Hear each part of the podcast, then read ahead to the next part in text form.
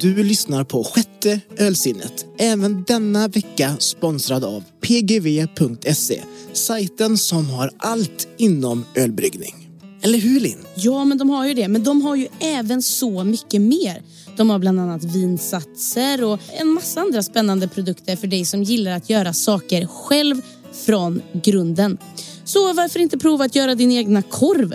Eller göra som jag och beställa det ultimata gör det själv-ostkittet. Som klippt och skuret för dig som älskar att göra ost, korv eller öl. PGV, din butik för hembryggning sedan 1991. Eller din butik för vad som helst, för de har verkligen allting. Så tack PGV! Du vet den där oslagbara känslan när allt är klart. Och man har gjort det själv. Ölet alltså. På pgv.se hittar du allt för hembryggning. Både för nybörjare och proffs. Välkommen in på pgw.se. Many of us have those stubborn pounds that seem impossible to lose, no matter how good we eat or how hard we work out. My solution is PlushCare. PlushCare is a leading telehealth provider with doctors who are there for you day and night to partner with you in your weight loss journey. They can prescribe FDA-approved weight loss medications like Wagovi and Zepbound for those who qualify. Plus, they accept most insurance plans. To get started, visit plushcare.com slash weight loss. That's plushcare.com slash weight loss.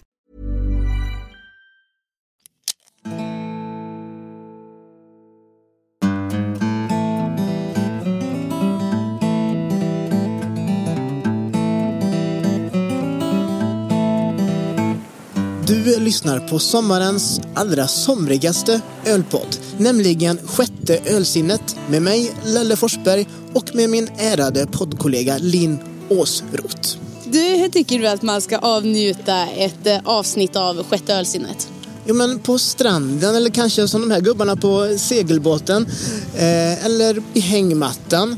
Jag vet att det är många som lyssnar på jobbet på lunchrasten eller kanske när man pendlar till eller från. Men jag tycker man ska vänta tills man kommer hem, knäcka en bärs och eh, ta på sig lurarna när man är hemma och kan slappna av lite. Det låter ju helt fantastiskt. Denna veckan fick ju du faktiskt stanna hemma medan jag och eh, vår ölexpert Malin åkte till Karlstad för lite husvagnssemester och eh, ölkött hos Good Guys Brew som ligger in till Klarälven. Husvagnssemester säger du. Jag har ju alltid velat åka på husvagnssemester men livet ger och livet tar och jag, jag kommer förmodligen aldrig att få uppleva detta nobla sätt att resa på. Så jag är avundsjuk på er som fick eh, uppleva Karlstad på eh, 6 till 8 jul. Vad vet jag? Jag är avundsjuk på ert öldrickande och jag är avundsjuk på ert besök hos Good Guys. Ja, du borde verkligen vara avundsjuk för det var en mäktig helg och ja, vi fick ju se Karlstad från sin absolut regnigaste sida. Och historien om Good Guys startar ju verkligen med två sköningar som kokar öl i en kastrull i en liten lägenhet och som nu är ett av Karlstads hippaste ölhak med öl som får fempoängare på Untapped. Hur mäktigt som helst. Jag vill, jag vill snart lyssna Linn. Jag med. Och ni som precis som Lelle missat hela upplevelsen kan ju checka in våra sociala medier där vi lassar ut en mängd bilder för att ja, sätta er i lite stämning.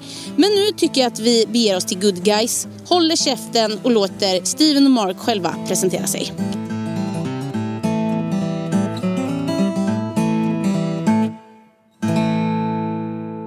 Tja! Eh, Steven här från Good Guys Tap, eller Good Guys Beer and Pizza. Eh, jag jobbar som barchef på vårt taproom och även lite som lekman i bryggeriet.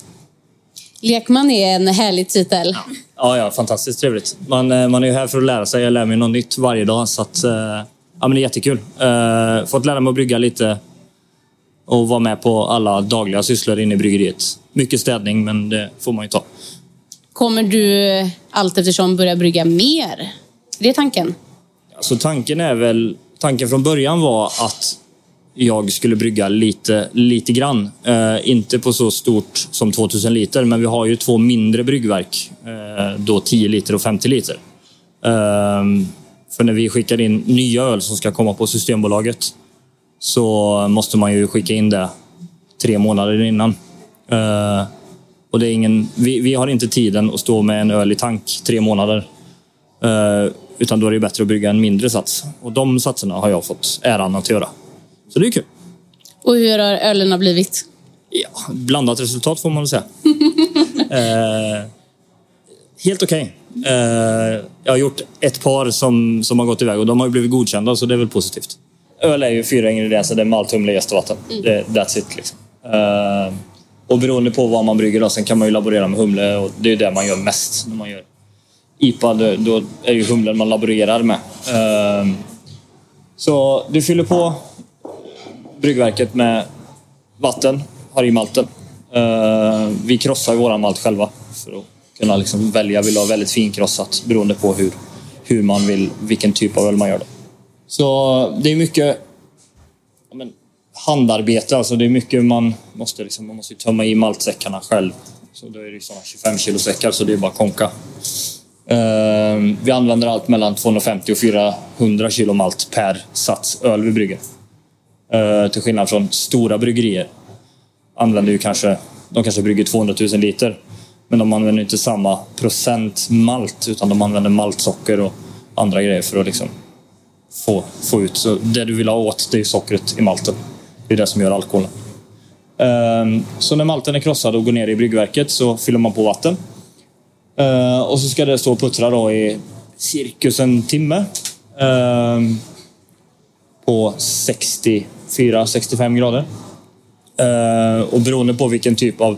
För ju högre temperatur du har, så du får olika typer av sockerarter. Går du över 66 tror jag det så får du en sockerart som inte går att utvinna alkohol ifrån. Så då, då har du, liksom, du kan ju göra en alkoholfri öl på det sättet. Uh, men uh, Så det är viktigt med temperatur. Det är extremt viktigt. Uh, nu är vårt bryggverk så pass digitalt eller så pass automatiskt att du kan styra via datorn. Du måste inte stå med en temperatursticka och mäta liksom. Oj, nu är det för varmt. Utan det går ju att styra. Sen när du då har kokat det här en timme ungefär. Eh, då har du någonting som kallas vört. Eh, det går då över i tank nummer två. Eh, och då kallas det för att man lakar. Då får ölen, eller vörten, rinna över i, eller pumpas över i nästa tank. Och sen fyller man då på med vatten den mängden för att få upp för då är det ganska koncentrerat för att få då ut 2000 liter så fyller man upp med vatten. Och så kan man ta med lite humle. Eh, om man till exempel gör en lager, då har man i humlen direkt i koket. Eh, för det ska ju då koka en timme till ungefär. Eh, Kyls ner och så går det över på de stora tankarna som vi har i mitten. Det är ju våra jästankar. Pumpar över det i den tanken man ska ha det i. Och där går ju gästen i. Och sen klarar kölen ganska bra själv. Då ställer man in vilken temperatur det ska jäsa på. Brygger man en lager ska det jäsa på låg temp. Brygger man en IPA så ska det, kan det jäsa ganska högt, 25-26 grader. Ehm, så lite beroende på vad man, vad man gör, det är så man styr. Man styr med temperatur för att få, få till rätt, rätt jäsning. Men eh, vem är du på det här bygget? Jag är, jag är egentligen anställd som barchef uh, inne i våran, våran bryggpub. Uh, men har även nu en delad tjänst. Jag jobbar halvtid i bryggeriet och halvtid inne i, i vårt taproom. Då. Ni burkar allt själva här? Ja, eh, vi har ju en burkmaskin. Eh, så när ölen sen är färdig, det tar allt från tre veckor till fem veckor. Eh, så det är dags att liksom få ut den som färdig produkt. Eh, och då, då har vi en, vi har en burkmaskin. Eh, även där väldigt mycket man, manuellt jobb. Eh, man måste plocka på burkarna själv och plocka av dem när de är fulla. Eh, men maskinen sköter ju resten med spolning, påfyllning, locken åker på de trycks fast och etiketten åker på via maskin också. Um, så där är det mer liksom av och på jobb. Uh, och då producerar vi väl, eller vi, vi tar väl ut allt mellan 3000 till 10 000 burkar. Sen kan vi även köra fat om man ska ha till ja, men pubbar och restauranger och som jag har egen. också sett att ni har att man kan få brygga sin egen öl till företag och även privatpersoner. Mm, och det är också eh, härifrån, eller? Ja, eh, då är det ju först och främst eh, med alltså en egen etikett. Självklart, du får brygga din egen öl också, men då får du vara beredd på att du ska brygga 2000 liter. Vilket är typ 6000 burkar. Det är inte alla företag som är så törstiga. Så att, men det går ju absolut att göra sin egen, sin egen label eller sin egen etikett. Ja, men precis. Vi har ju druckit öl i, hemma i Trollhättan då, på Sour. där har de ju... Ja, precis. Mm. Det var där jag blev lite nyfiken, för det är inte jättemånga bryggerier som har det i Sverige. Vad jag har Nej. sett. Eh, jag vet inte om någon mer. Nu har jag inte undersökt jättemycket, men... eh, men eh, så mig veterligen så är vi, vi är i alla fall de enda i Värmland som gör det. Eh, men det har blivit jättepopulärt. Eh, vi har ju en lång, lång lista med företag som väntar på att få sin, ja, men sin egen öl klar. Eh, nu har vi också ganska fått ett rejält uppsving med mycket försäljning, eh, både till restaurang och pub och även Systembolaget. Då.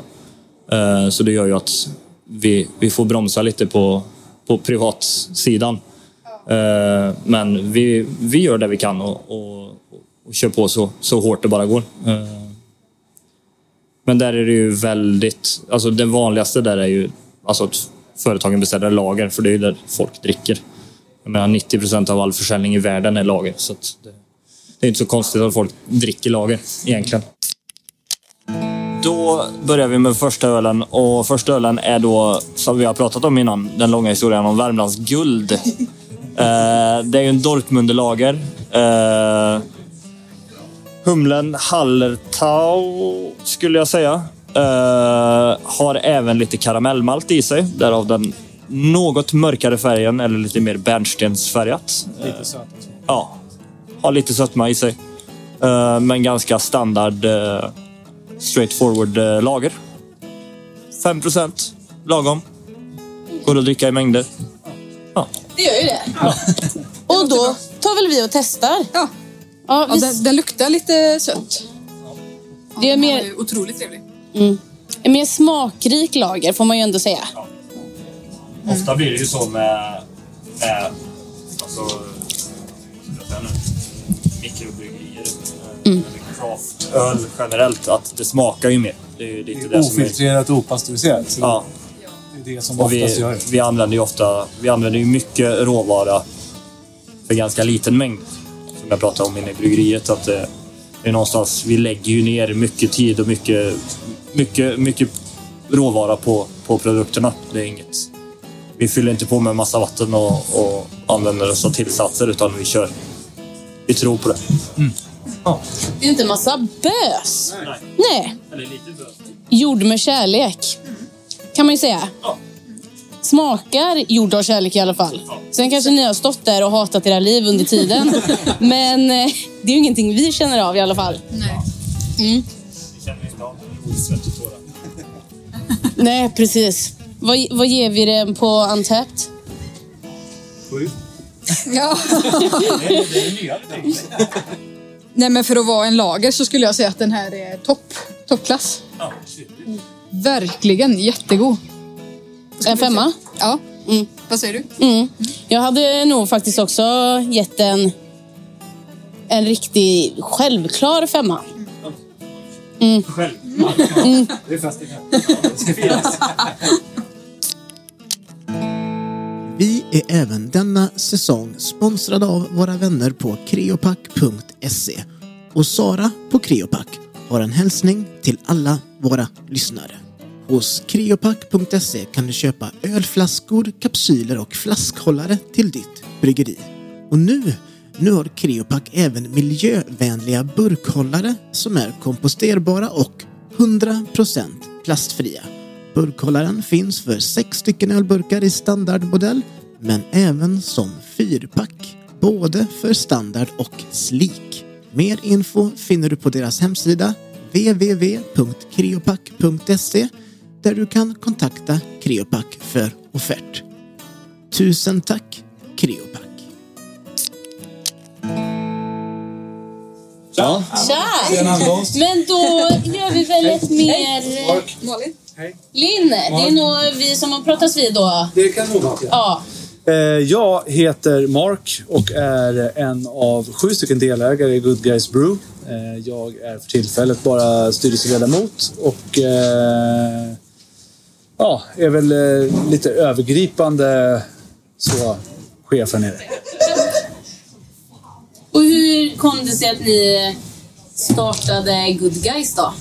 Det gjorde inte någon av oss, utan det gjorde ju en kille som heter Niklas eh, Nyström och Daniel Haag tillsammans med en ganska, ganska stort antal fler människor eh, för rätt många år sedan. 2013 tror jag de liksom började lekbrygga hemma i badrummet. Sen så 2017 så flyttade verksamheten in hit och eh, någonstans där blev det liksom aktiebolag och från lekstuga till, till riktigt. Eh, sen så 2020 fick jag och två kompisar erbjudande om att köpa in oss i Good Guys och då gjorde vi det.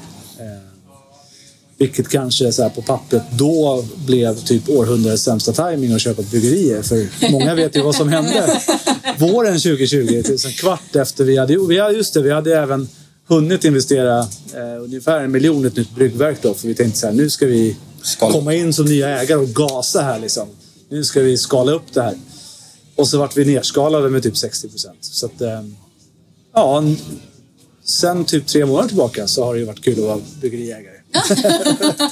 nu det tar fart. Ja, men lite så. Det har varit kul under pandemin också på så sätt att man har ju fått sätta sig ner och göra sådana saker som man kanske inte hade som fokus. Man, I början var man så här, fan vad kul, nu ska vi bygga en massa ny bärs och liksom hitta nya liksom kunder och så här, Det var ju bara att glömma liksom. Det var ju så här, inte ens det att sätta sig på telefon och ringa någon utan det var ju mer att sätta sig ner och titta på det administrativa, det tråkiga som ändå så blev kul för man hittade jävligt mycket i bolaget.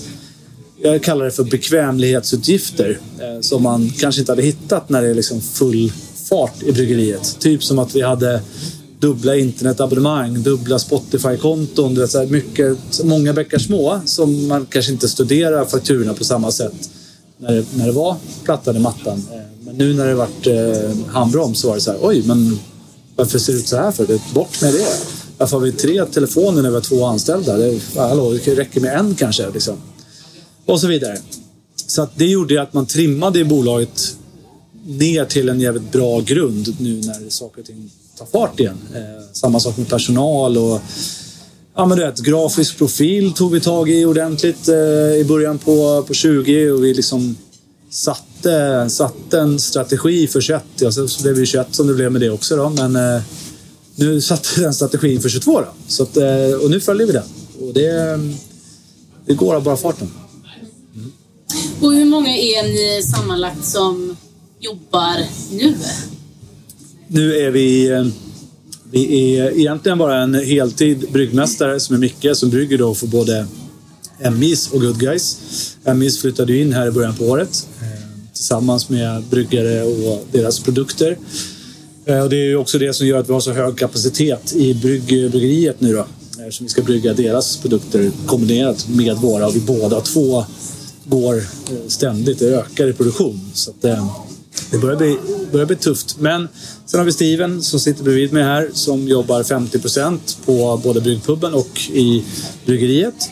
Och så har vi våran Tommy som är bryggassistent på 50% Han vart eh, sjukskriven i fjol på grund av eh, saker som vi inte behöver säga här. Men börjar ta sig tillbaka nu och är uppe på 50% Och vi skulle behöva han på 100 och vi skulle nog behöva en bryggare till också på 50 till 100. Så det ligger faktiskt en annons ute sedan igår om en, en, en till bryggare till oss. Det behövs. Så att eh, just nu som då vi ska bryta ner här så är det fyra anställda i bryggeriet och så har vi väl, hur många i restaurangen? Vad är vi? Vi är... Fyra heltid? Ja, tre i alla fall. Tre heltid och sen har vi ett gäng eh, extra anställda. Ja. Eh, nu när vi går mot ljusare tider och sommar och, och hej och hå så behöver vi betydligt mer folk. Mm. Den här delen av Karlstad är ju, det kokar ju här nere om sommaren. Eh, så från juni till slutet på augusti så är det ju verkligen gasen i botten. Hela, så har vi ju, som om man inte har varit hos oss förut, så har vi en ganska stor utservering och det blir ju... Och det är ju där vi sitter nu. Ja, men precis. Mm. Så restaurangen blir ju typ dubbelt så stor. Eh, det är typ dubbelt så stor i dessa tider.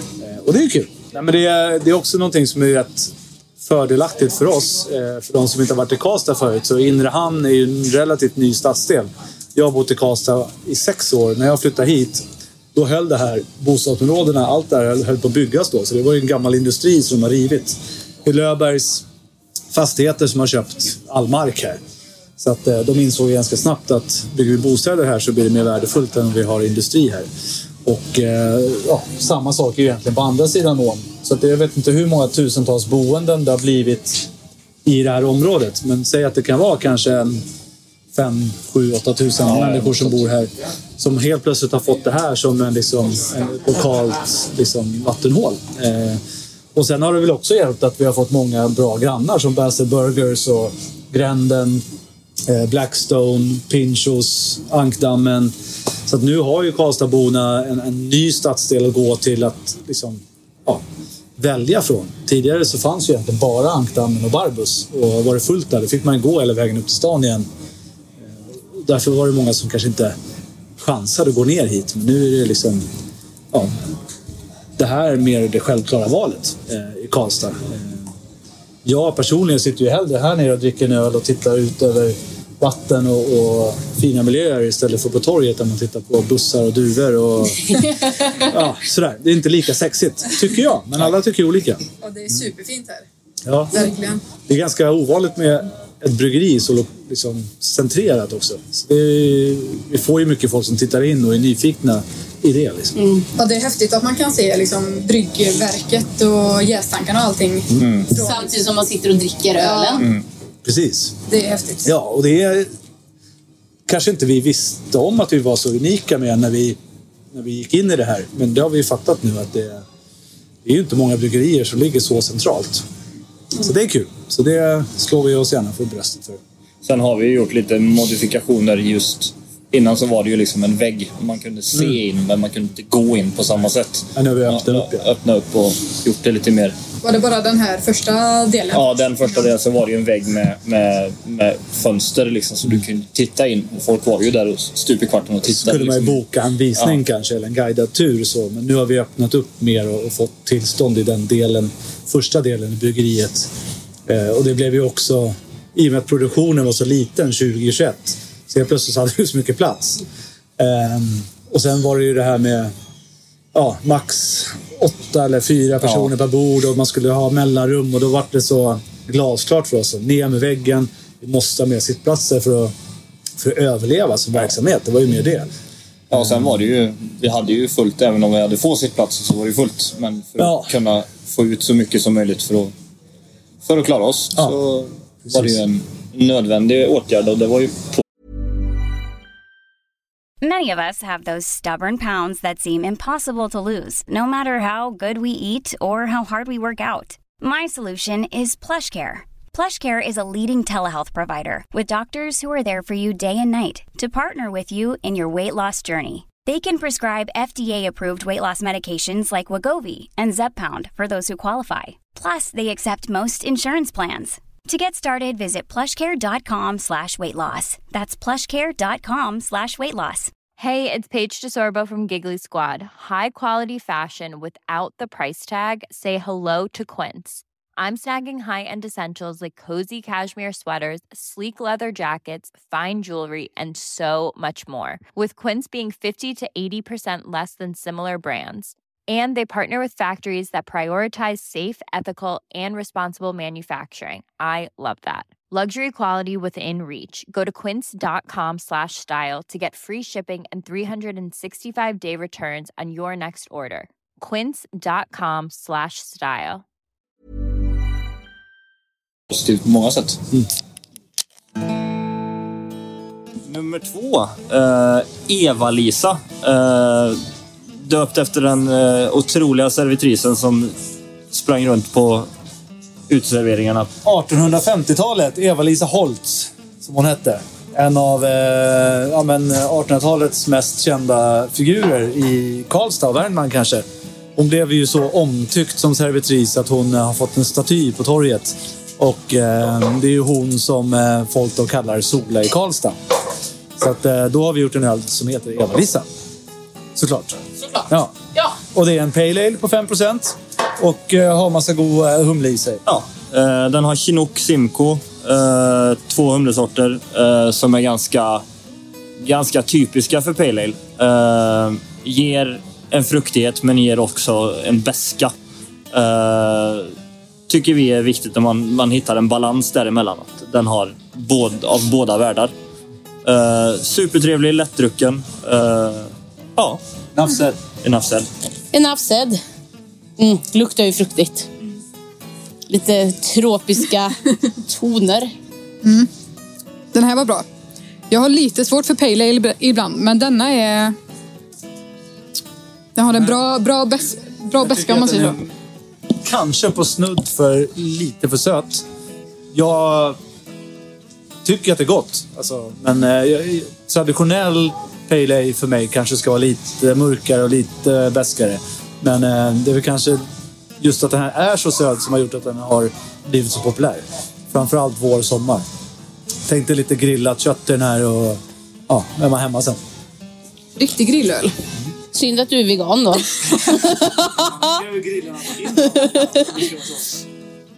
Nej men, eh, nu kommer jag med över och undertoner. Det är ju humle i underton. Och frukt och tropiska toner i överton. Har jag fel då? Nej, men det är ju bedömningssport. Ja. Du kan ju inte ha fel mot dig själv. Precis. Helt rätt. Ja, men någonstans så är det ju inte fel att tycka någonting om öl. Utan eh, alla människor har ju olika paletter och det finns de som älskar koriander och det finns de som hatar koriander. Och vice versa. Alltså, det finns ju massa olika typer av smaker som folk uppskattar och inte uppskattar. Så att, eh, att säga att någonting är, är rätt eller fel i smak, det tycker inte jag man ska lyssna så mycket på. Utan, eh, försök att dricka det som är gott och drick inte det som du inte tycker är gott. Det, är inte så mycket, det är inte svårare än så.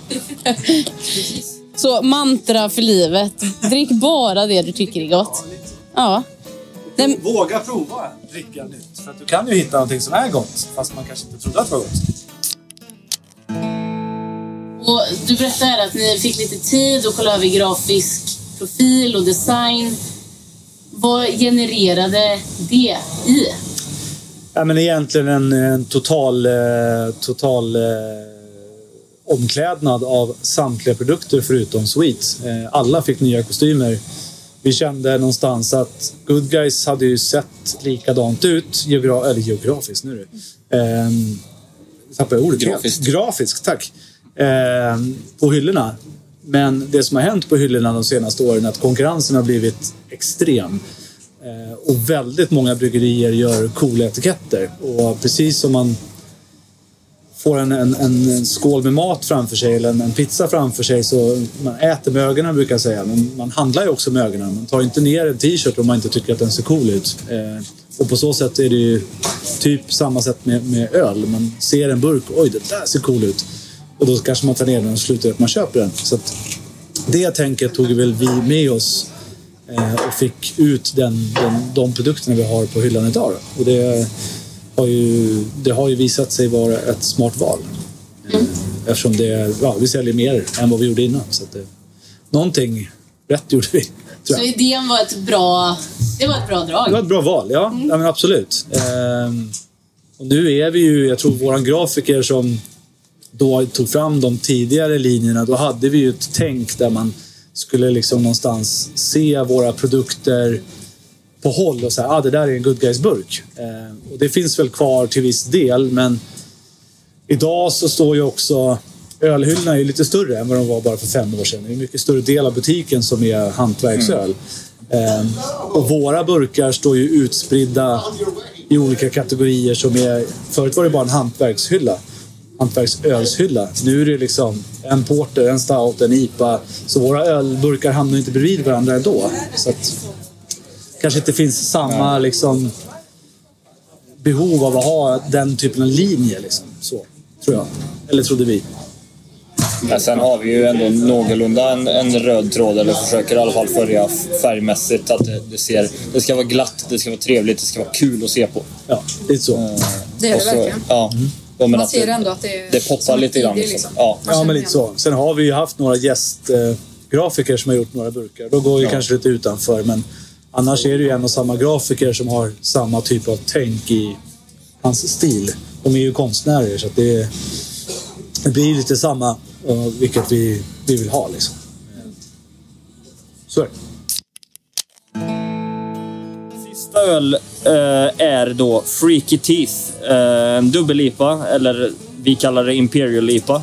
Eh, väldigt klassisk humleblend i den. Det är citra och mosaik. Det var väl någonstans där IPA tog fart, i alla fall i den tappningen vi ser nu. Eh, citra mosaik, väldigt så citrustoner. Fruktigt. En otroligt lätt dubbel-IPA skulle jag säga. Eh, inte svårdrucken alls. Eh, därav namnet Freaky Teeth. Det, det är svårt att säga många gånger.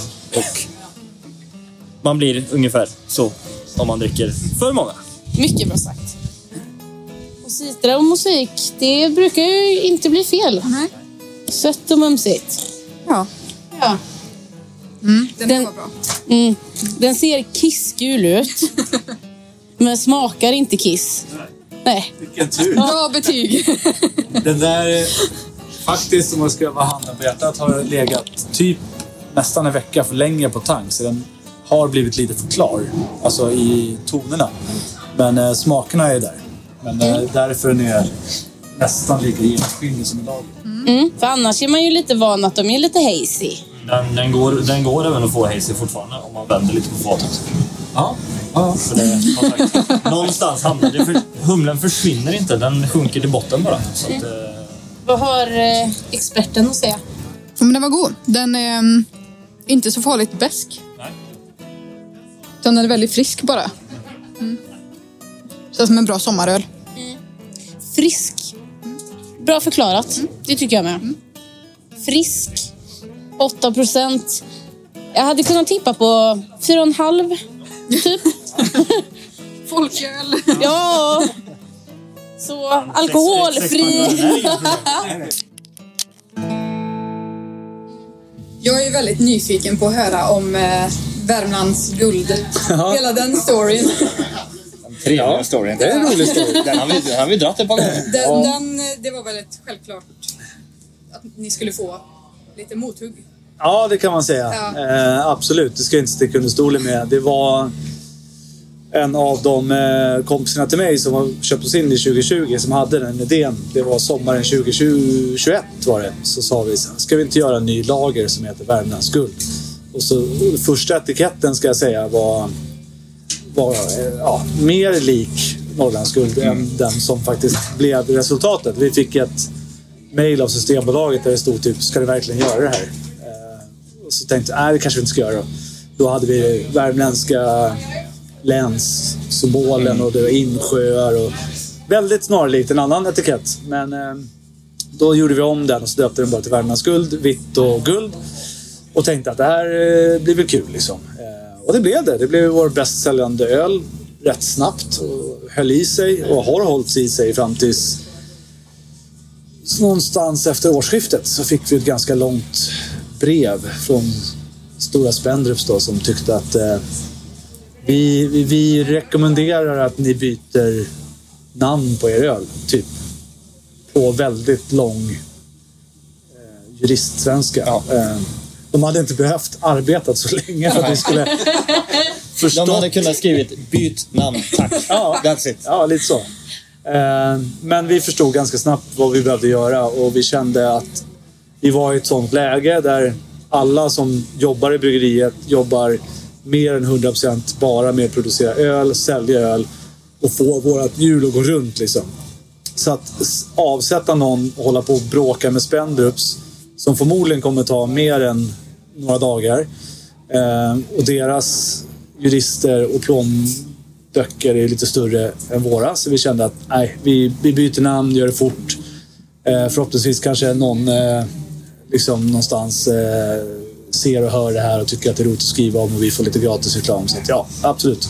Det, det fick vi. Eh, om den heter Värmlands guld eller Värmlands export spelar oss mindre roll egentligen. Vi är samma goda innehåll eh, och eh, det är väl det som är det viktiga. Ja. Typ så. Det var ändå modigt. Ja, och jag vet ju Copperfields är ju... Han eh, mejlade mig för några månader sedan. Han är ju i fight med dem nu. Han har ju en liknande bla bla bla guld, jag kommer inte ihåg vad den hette. Och Benchwarmers har gjort en likadan nu. Ja, okej. Ja. Nej, men så att det är några som... De är ju betydligt större än oss och de har väl kanske orken och, och personalen för att, att driva frågan. Men eh, så små som vi är så kände vi att det är no, no. Fokus på den goda ölen. Ja, exakt. Mer så. Men hur tänker ni när det kommer till just hur, eller vad ni brygger? Vad tänker ni med smaker? Spannet? Jag tror att eh, jag, Steven och Micke, våran bryggare, är väl de tre som är mest eh, entusiastiska med att, att snacka vad det är för öl vi ska brygga. Eh, dels så har vi ju vårt bassortiment som består av åtta öl som trummar på. Märker man att det är någon som rasar för mycket i försäljning eller att, de, ja, att den inte är lika omtyckt, då kanske man pausar den eller tar bort den och ersätter med annat. Men annars så trummar ju de på. Sen är det ju mycket som vi, vi gör per säsong. Liksom. Det, och för oss är det ganska självklara saker att sommar, då blir det mycket blommigt, fruktigt och surt och lättdrucket. Eh, kanske inte så mycket bira över 6-7 procent utan man håller sig mer runt eh, 4-5 istället. Och sen mot höst och vinter så blir det starkare, mörkare eh, toner. Och någon gång däremellan så blir det något galet. Så, men det är väl ungefär så som huvudstrategin är. Eh, och sen att vi har sagt att vi vill släppa en till två nyheter ungefär per månad. Då. Eh, och där de flesta då är one-offs. Eh, och de som... Ta exempel Well Done som nu har haft en otrolig framgång sedan vi släppte den i första maj. Den kommer vi bygga en batch till på. Medan många av de ölen vi släpper blir kanske bara en batch. Eh, Och sen så har man det receptet och så kanske man brygger den igen då nästa vår eller nästa höst eller så. Men ehm, ja, det är väl vi tre som sitter och Ja. över någon kaffe sådär. Ja, vi tar och kör den där. Och så Steven provbrygger ju allt vi gör. Sen försöker vi ju alltid att kasta in någonting. Även om det är liksom för, för bara att ha som produktreferens eller att, att ha. Eh, Så försöker vi alltid spacea till det lite grann. Ja, men Vi, vi ska ju komma med ett par nyheter nu som vi får se om det blir bra eller om det blir mindre bra. Det, Jo, men lite så är det ju. det är fördelen också med att brygga på, på liten, liten skala, alltså 10 eller 50 liter. Vi, vi kan dels testa, testa det, och, men vi kan också köra det i vår bryggpub för att se responsen direkt. Tycker folk att Nej, men det här var ju inte alls bra, ja, men då kanske vi inte ger oss på att göra 2000 liter av just det. Nej, precis. Utan Det vi, är perfekt ju. Kunna vi leka håller- lite. Ja, Leka fram Nej, men det är, sitter man någonstans i startgroparna och vill starta ett bryggeri och göra det på riktigt. Att, att hitta en lokal där man faktiskt kan ha en, en egen bryggpub är så sjukt ovärderligt. Dels att du kan faktiskt kränga din egen öl direkt till kund, vilket gör att du tar bort en mellanhand. Men du får också då väldigt eh, rättvis och, och snabb feedback på allt du producerar. Så att man kan göra då som vi gör, producera små batcher och sen så... Um, nu kommer min dotter och min sambo här. Det kommer bli ett jäkla liv säkert. Hej då Juni! Hej då! Hej då! Ja, eh, men också det här med att kunna, när ni testar och så, är det någonting som kommit in i bassortimentet som ändå har flygit så bra? Att Ja. den har fått vara kvar? Ja, men som jag nämnde så är det ju Well Done nu då senast som har gjort det. Eh, nu har vi väl inte tagit beslut om att den ska in i bas, men jag gissar ju att den kommer göra det. Vi har ju en annan New England karusell som också har gjort eh, den resan. ligger det lite i samma... Den släppte vi tror jag i höstas va? Och den sålde också så pass bra så att den fick vara kvar. Eh, Men bassortimentet är ju lite levande. Det är väl framförallt Värmlands guld, eller förlåt export. Eh, Go to Helles, eh, Pilot-IPA, Sweet, Eva-Lisa, Freaky Teeth, Karusell och nu eventuellt då eh, Well Well done. Done som också kommer in, som kommer ligga där. Men eh, ja, öl är ju som många vet, man, man, man byter favoriter titt som tätt. Eh, så att, eh, vi får väl se vad, som, eh, vad som är kvar i bassortimentet om ett år. Det, det händer så mycket, går så fort i, i, i ölvärlden nu, tycker jag. Och alla bryggerier bryter alla möjliga olika regler, vad man kan tycka i liksom ja, procenthalter och ja, vad som är definitionen av det ena och det andra. Men det är väl kul att det görs också. Men om vi går över till er då. Hur kom ni in på hela det här ölspåret? Och hoppa på ett bryggeri? Ja. Alltså jag kom ju in via Mark. Ja, och jag köpte med... Det började egentligen... Jag har ju alltid varit en ölkille, inte ölnörd, men jag har alltid gillat öl. Eh, och så har jag jobbat väldigt mycket med service och drivit restaurang. Och har kompisar som driver restaurang. Och eh, för... Vad var det här då? 2018, slutet på 2018, så eh, fick eh, jag reda på att Kenny Nord skulle starta Karlstad ölhall. Och då ringde jag upp till honom, för han är en gammal skatekompis till mig, och frågade, eh, frågade jag typ arbetslös eller mellan jobb. Och frågade om inte jag kunde få med och leka på det. Finns det möjlighet att köpa sig in och, och vara med och driva det?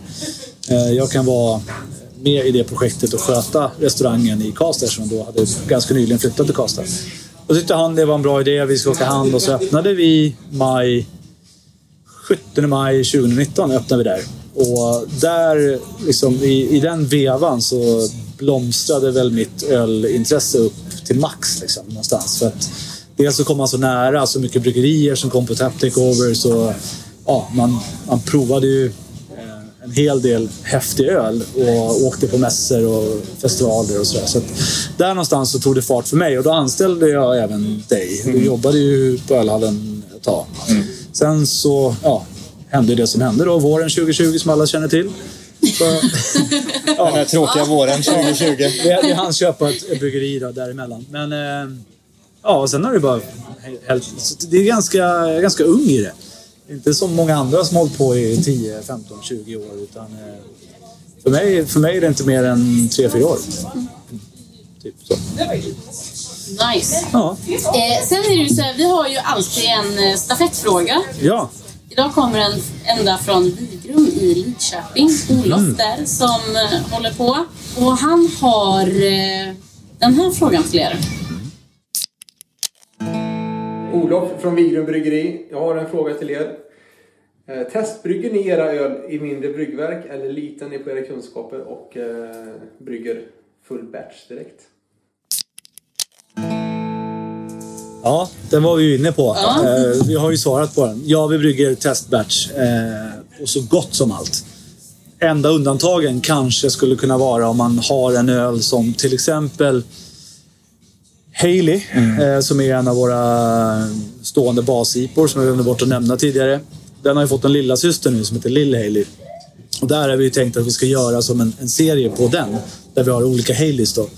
Eh, och där kanske man då tar det ursprungliga receptet och bara tweakar den lite grann. Eh, drar ner procenthalten och tillsätter eller tar bort en humle. Eh, då kanske man inte känner att man behöver provbrygga den för att den kommer att ja, bli typ så som vi tror att den kommer bli. Eh, men är det helt nya sorter så är det absolut att vi provbrygger. Eh, det är typ ett måste. Eh, så det skulle jag verkligen rekommendera alla att göra när man ja, har större tankar att Ja. jobba med. Liksom. 2000 liter är ju inte jättekul att kasta. Nej, nej, men så är det. Det är, det är typ 25 till 35 000 i råvaror rakt ner i golvbrunnen. Och det har ju hänt att det har blivit fel på någon öl ibland. Blåste två tankar i fjol bara. Så att det, det är ju hemskt. Men det, Det händer. smakar det inte bra så kan vi inte skicka ut det. Liksom. Det skadar i varuverket för mycket.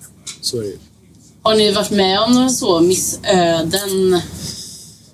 Att det har varit något som har blivit fel under tiden? Eller ja, ja nu nickas det. Ja, ja. Nej, men det, det händer absolut. Eh, senaste Freaky Teeth-batchen så hade vi för lite antioxidation. Oxidationsmedel. Ja, precis. Tack. Eh, Ja, så då eh, oxiderade ju den, eh, vilket är eh, ganska vanligt eh, på dubbelliper när man humlar, 12 humlar mycket. Det går lite fel. Sen hade vi lite mer i medlet till nästa batch och då var det väldigt mycket bättre. Eh, Så att, eh, och det är det som är så orättvist med öl, för det är ett litet felsteg någonstans så kan liksom hela tanken bli blä. Och då står man där. Men nu har vi ju en ny bryggare sedan i början på det här året som är betydligt eh, noggrannare och jobbar mer så som vi vill att vår bryggare ska jobba. Eh, så att eh, väldigt mycket färre missöden nu än vad det har varit tidigare. Men det, Men också mer struktur. Det är väl lite det som har gjort det Ja. också. Att det, det går inte att göra fel. Alltså, nästan en blind människa hade klarat av att göra det. Ja, men, li- nej, men så är det ju. Följer man bara... Det är som att ta ett, nu ska jag baka en prinsesstårta hemma. Följer man receptet till punkt och pricka och gör exakt som det står, läser noggrant och är noggrann med temperatur och allting så blir det ju ganska likt det som, som visar på bilden. Men gör man inte det så kommer det se annorlunda ut och smaka annorlunda. Så det är samma sak med ölbryggning. Det är, det är bara följa receptet och vara noggrann på, på alla delar hela vägen liksom, så, så blir det bra.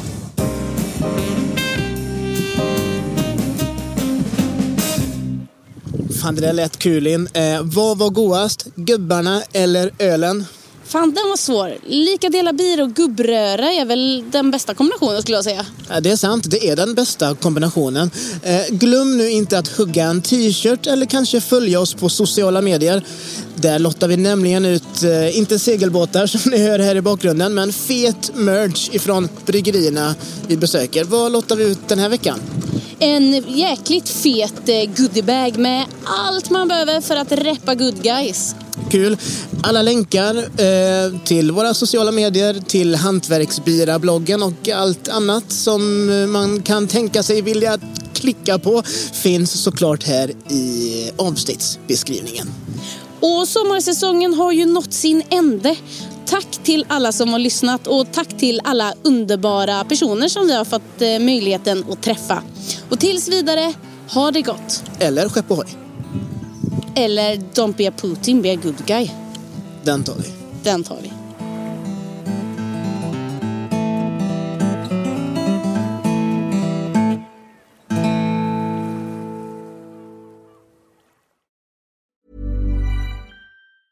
Normally, being a little extra can be a bit much, but when it comes to healthcare, it pays to be extra. And United Healthcare makes it easy with Health Protector Guard fixed indemnity insurance plans. Underwritten by Golden Rule Insurance Company, they supplement your primary plan, helping you manage out of pocket costs without the usual requirements and restrictions like deductibles and enrollment periods. So when it comes to covering your medical bills, you can feel good about being a little extra. Visit uh1.com to find the Health Protector Guard plan for you.